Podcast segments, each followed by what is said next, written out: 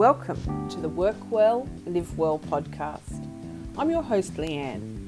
Drawing on the foundations of well-being science, positive psychology, and neuroscience, I share tools, tips, and strategies for people to intelligently manage their well-being so they can flourish into working well and living well. In this episode, I'm talking with Jamie Getgood about redundancy with heart. With General Motors Holden closing its manufacturing operations in Australia, Jamie undertook leadership in the development of a best practice transition centre to support all employees in receiving support, advice, and training to help them transition into new work. He was instrumental in not only developing internal strategies but creating networks within multiple government departments, supply chain, and community groups. Jamie's passion for people, his focus on employee engagement, and the success of the business is evident in his achievements. Jamie was named as the South Australian and Australian Leader of the Year at the Australian Excellence Awards in 2017. These accolades and his drive to support all people have seen him develop a reputation as a leader in the transition space in this country. So let's get started. Jamie, thanks so much for joining me today. Not a problem. Thank you for having me. I'm so pleased to be speaking to you about such a, a really important topic. Redundancy is a tough experience for those delivering it and facing it. And having experienced my own redundancy that left me feeling um, lost and uncertain, I was amazed by the commitment to support your workers as they faced redundancy can you help listeners understand the situation and some of the challenges that were faced uh, by the organisation at the time? Yeah.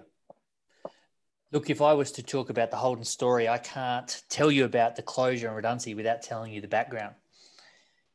Obviously, we had been threatening, or the media had been threatening, that we were going to close for a number of years.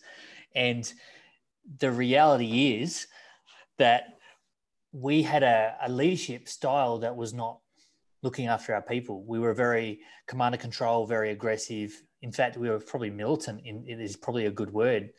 And when I joined the organization, it was clear that we weren't performing as an organization. So the background behind why we did what we did when we announced closure was that we had realized that by taking a people focused approach to leadership, we actually could make a difference with our workforce. And I won't go into the whole culture side behind that, but long story short, we went from a bottom quartile business when our culture and our leadership wasn't performing where it needed to, to the number one car plant in the world in a, a five or six year period. And that was all based on changing our leadership to be people focused.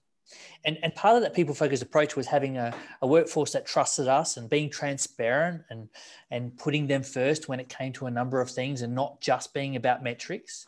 And our business results improved significantly. So when we got to the point of announcing closure, it was very clear to us that we could do what every other company does when they have to close a business, and that's let's not tell anyone until the last minute and close the doors. Well, we couldn't do that. Our heart now was for our people. We had seen the benefits of being transparent, and we thought we have to do the right thing and give our people as much notice as possible. So we gave our people four years' notice.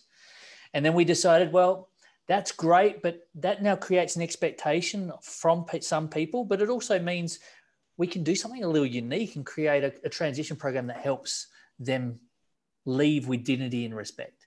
So we built a world class transition program, which we've won awards for, and I have been able to share around the world.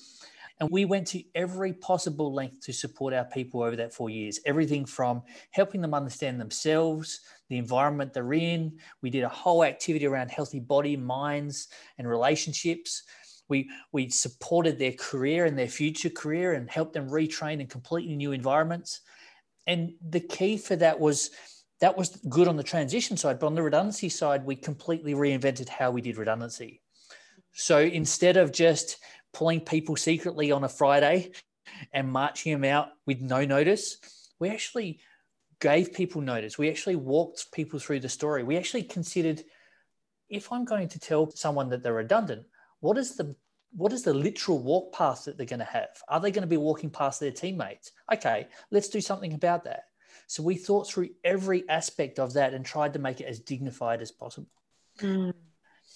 As someone who has experienced that whole shock of even though knowing that you're working towards redundancy, that whole shock of someone coming to your desk and taking you for what you think is something else and then you're gobsmacked you know and and in total shock and and it is an overwhelming experience and to have that care about the experience of your people. Yeah. Look i think that's that's absolutely crucial. And the reality is ours wasn't a 10 man program. We were closing not just holden but the automotive industry. So in holden alone there was close to 3000 people that were impacted. There was uh, some 40 to 60,000 people across Australia were impacted because obviously Hold, Ford, and Toyota were closing. Now, we obviously had to take care of our workforce, but we decided to also do what we could to support the supply chain, and we opened up our centres for them as well. But for me, the key was helping our people understand that redundancy doesn't have to be a difficult process. We can actually do it in the right way. We can offer them help and support and give them the greatest start to the next job as we possibly could. Mm. And removing that fear and uncertainty. Um, Absolutely. Yeah. Job displacement can have a significant impact on our psychological well-being, personal efficacy, and the ability to be optimistic for the future. How was this considered in your process?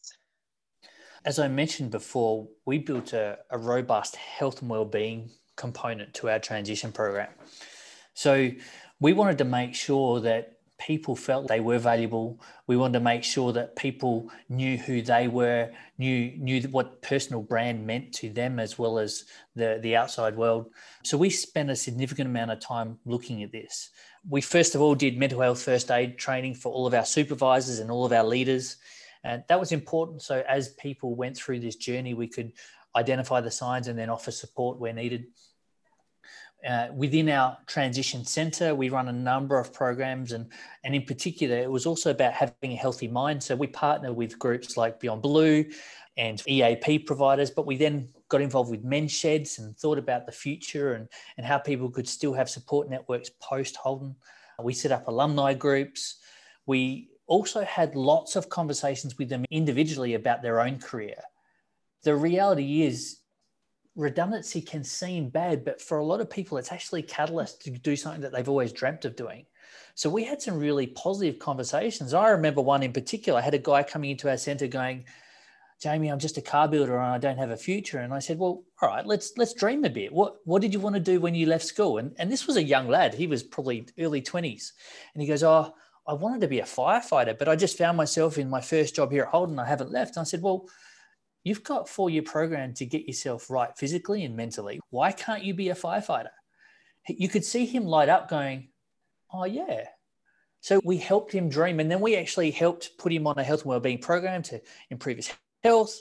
We did a whole heap of things to support his journey. And guess what? Long story short, he got his dream. We wanted people to realize that redundancy isn't the end of the road. It's an opportunity to see that you have amazing skill sets. You you are a, a, unique person in yourself, and this can be a, a catalyst or a, a springboard for you to do something that you've always dreamt of doing. And and yes, you may have the job you've you've always dreamt of doing, but let's help you dream again and come up with a new direction that whole thing of redundancy being all doom and gloom can be the perception of some. And in those early days of experiencing it as well, it is hard to see into the future. So to have that hope to to work towards and belief that that you could build your confidence to work towards something else would be so empowering to to the people in the workforce. Yeah. And I, I think we took it on as a personal responsibility. And I'm talking the Holden leadership team here, that we could put certain things in place to give people the right mindset. So we mm-hmm. ran sessions on mindset and expectations. We we actually gave them some guidance around finances, and we had a section in our transition center that talked about doing an energy audit on your home and, and talk about budgeting and managing credit card debt. We went to lengths on their finance alone because if you set that aside and they feel comfortable with that, they're more likely to pursue another opportunity down the track because they feel confident. I remember visiting the transition centre after my own redundancy. I wanted to come and see what I had missed out on. And I walked into that place. It was like two, a couple of days after my own experience, and, and I walked in and I was greeted, and and it felt so good. I felt really like I was meeting friends. Mm. And the lady who took me through, her name was Penny, and I couldn't believe what I was seeing. You know, she was showing me all the different services, and I'll never forget the wall that, that she mm-hmm. proudly showed me of everyone who had moved on to something else. Yep. It's amazing. Something so, you know, just I'm getting shivers talking about it. I just, I was, it really made an impression on me. Yeah. Look, uh, for me, having that experience, I mean, you were coming and visiting Mm. But if, if you're an employee and you have that same experience, how much better are you going to look at your future? And we all know that if you have a positive mindset, you're more likely to have better outcomes in, in anything that you do. Mm. So that was part of the positive psychology. It's wonderful. Um, your team referred to you as the Velvet Sledgehammer. Why was that? Look, I mean, I got that towards the end of our closure program, and I, I, it doesn't sound good, does it, Velvet Sledgehammer? But it was really a compliment from a couple of my HR guys in particular. And one of the guys said, Look, you have this unique ability to do some really hard things, including redundancy and terminations. And, and we had some, obviously, some difficult warnings and disciplines that we had to go through through that period of time. He said, but you always do it with a soft touch. You always leave the person feeling there's some dignity and respect to the process, even if they've done wrong. And whilst you're able to break down barriers, you're able to break down people's personal walls that they had put up, you were able to do it in such a way that it was done softly.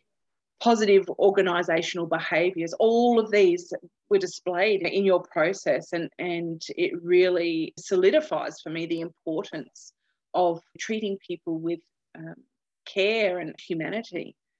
What, what I found interesting is that I've now worked with lots of companies in the redundancy and restructure and transition space, and I often get asked questions around the right approach and why would we bother doing that? Just exit them out of the door. Why would we spend money on programs like this? And I think at the end of the day, the money we spent on this program was completely far outweighed by the performance benefits we got with our existing workforce that was still working, as well as the brand. The brand was at its highest peak when we were going through redundancy programs mm-hmm. because we were getting media and people going into dealerships going, you know what, I'm so proud of how you've managed your workforce, even though you're exiting. I had to buy a Holden. So it impacted our sales in a positive way. So we also had people online going, you know, I'm so proud of my 30 years at Holden, and they recognise me. And we had Jimmy Barnes, you know, singing us off and celebrating us. That is why we were willing to spend the money on the transition program because, yes, we got financial gain because we outperformed ourselves significantly through that time, but we also got a personal uh, reward where I can put my hand on my heart and say, you know what, we've done the right thing by our people we can put a hand in our heart and say every one of our people had every opportunity to get a new career. And guess what? They're now out there looking for opportunities for our workers, and they're now out there promoting Holden. It, the flow on effect was huge. Going back to my visit to the transition centre and Penny showing me a room for the kids. The kids she, corner. Yeah, and she explained the whole reason behind that. You know, people weren't coming in because they had the three o'clock pickup or whatever, but but they made this area for, for mm-hmm. people. Mm-hmm. So they had to come in.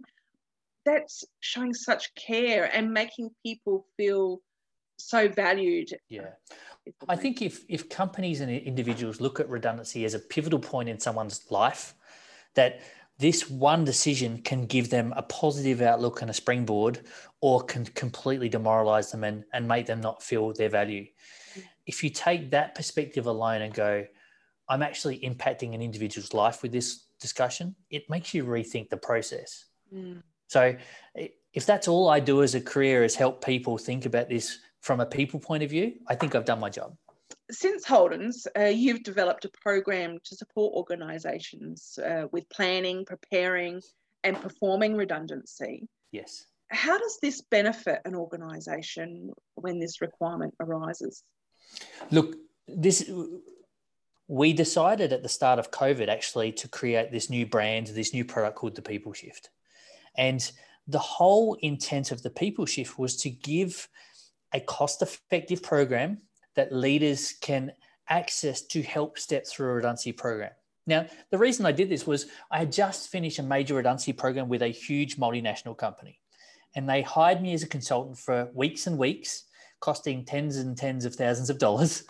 And I sat there going, if I have to do a redundancy program from scratch, what, where do I get my information from? So I, I thought I'll do a Google search and I typed in redundancy process. There's actually nothing online. You can find articles on legislation and formulas and what the legal side is, but there's nothing that says do this, then do this, then do this. So I thought, well, let's create this step by step process. So HR professionals or leaders, depending on the size of your organization, can actually have a process so they don't even have to think. And even better, why don't I create a process that has a people focus in every step? Why don't I help talk you through those steps so that as you're going through a workforce planning document, you're going, well, maybe we don't need the redundancies because we can do this, this, and this. Mm. Um, maybe when I'm thinking about that conversation, I'll set up walk plans. So I know that they're not walking past their people and having the walk of shame. We deliberately called it the people shift because you want to shift your focus towards people. And what we've actually included in this product is it's not just a step by step spreadsheet. It does have a book that walks you through it, but we also give you all the tools and resources you need to do it. So we have a comms plan that we give you. We give you scripts, we give you letters, we give you training packs so you can train your leaders in how to do redundancies. And in that training pack, it also talks about employee emotions. So if you're having to talk about redundancy with someone, they're going to be at different stages of the change curve. So we talk about the change curve. And if someone's at anger, how do you handle that? We wanted to create a program that wasn't just a step by step process. We wanted to give you all the tools on that journey. So this steps you through from go to whoa, including a, a chapter at the end about rebuilding culture post redundancy, because your remaining employees are going to be impacted. Yeah. And my heart is to give people uh, a better outcome when it comes to redundancy, not yeah. just the individuals, but the companies as well. Yeah. When we were talking about the, the brand and, and, and the impact on the company, corporate social responsibility is a real focus these days. And, and when an organisation is seen to be taking care of their workers, it has a positive impact for the future, doesn't it? It, it, completely does, and and I think there's so many aspects to this. Uh, employees aren't if you treat them well, are probably not going to go on Facebook and completely bag your company, right? Uh, unions equally are not going to go into the media and bag your company. In fact, the unions were actively talking about how great our program was in the media.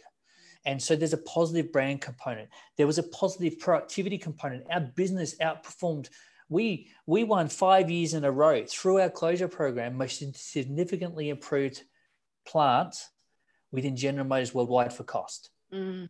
Right? We won quality awards. We won cost awards. Our absenteeism over a seven year period went from 9% to 3%. Yeah. Um, there's every metric improved significantly. Yeah. So the benefits are, huge. Yeah. Amazing what can happen when you have the ability to invest in your in your people uh, absolutely at, at, a time of you know great disruption and change what is one key piece of advice you have for organisations that might find themselves having to downsize? Look, don't just run a process. And I see this a lot. And again, I'm working with some large multinationals and they've been doing redundancies time and time again over years.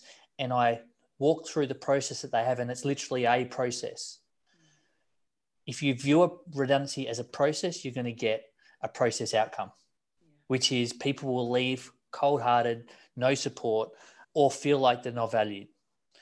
Always take a people element in everything that you do. And that goes right down to when you're writing a letter, a redundancy letter, it doesn't have to just say you finish on Friday and goodbye. Yeah. you can actually, because if it's true, if it's a true redundancy, it's not performance related. So you can do little things like, thank you for your time and the impact you made to our business. Mm. That's a good statement. Yes.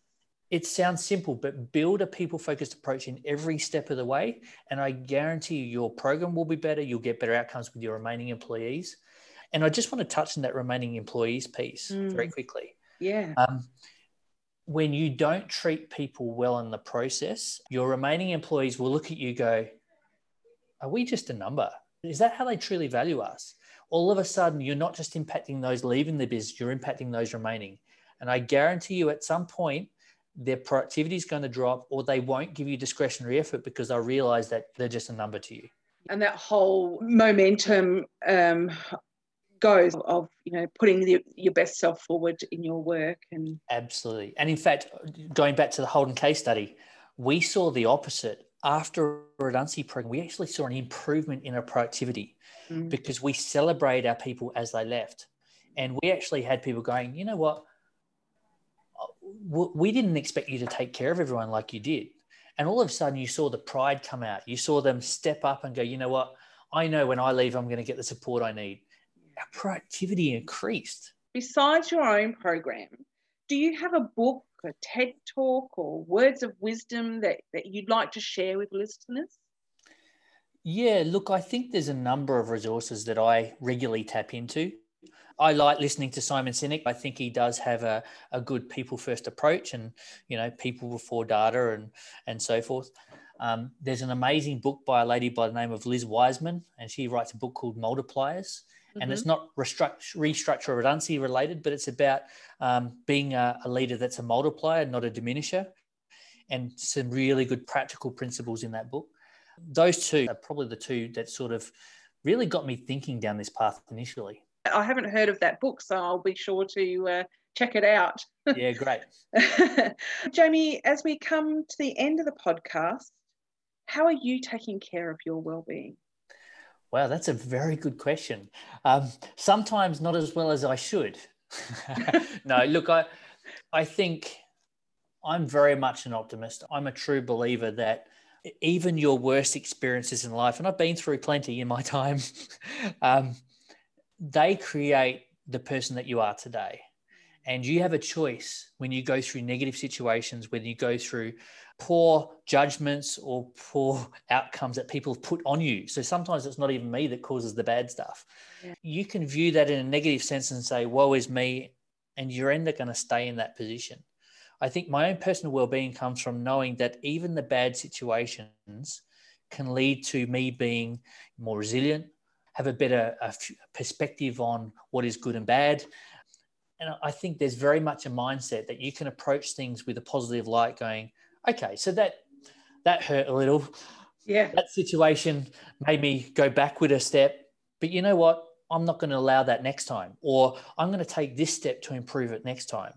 I think having a positive outlook on everything you do changes your future tra- trajectory. Mm. The a benefit of positive emotion, it widens our perspective and you know broadens our thinking so that when we have that positive outlook we're empowered to see things a whole Absolutely. lot differently Absolutely. Jamie, thanks again for joining me today. Not a problem. Always a pleasure. Been great. And thank you for listening. To find out more about Jamie, visit thepeopleshift.com. There you'll find details about his program if you found this podcast of benefit, please share it with someone you think will benefit too. I love to receive your feedback, and I would be grateful if you could rate this podcast on iTunes. I invite you to connect with me through LinkedIn and Facebook. Until next time, wishing you well being. Bye for now.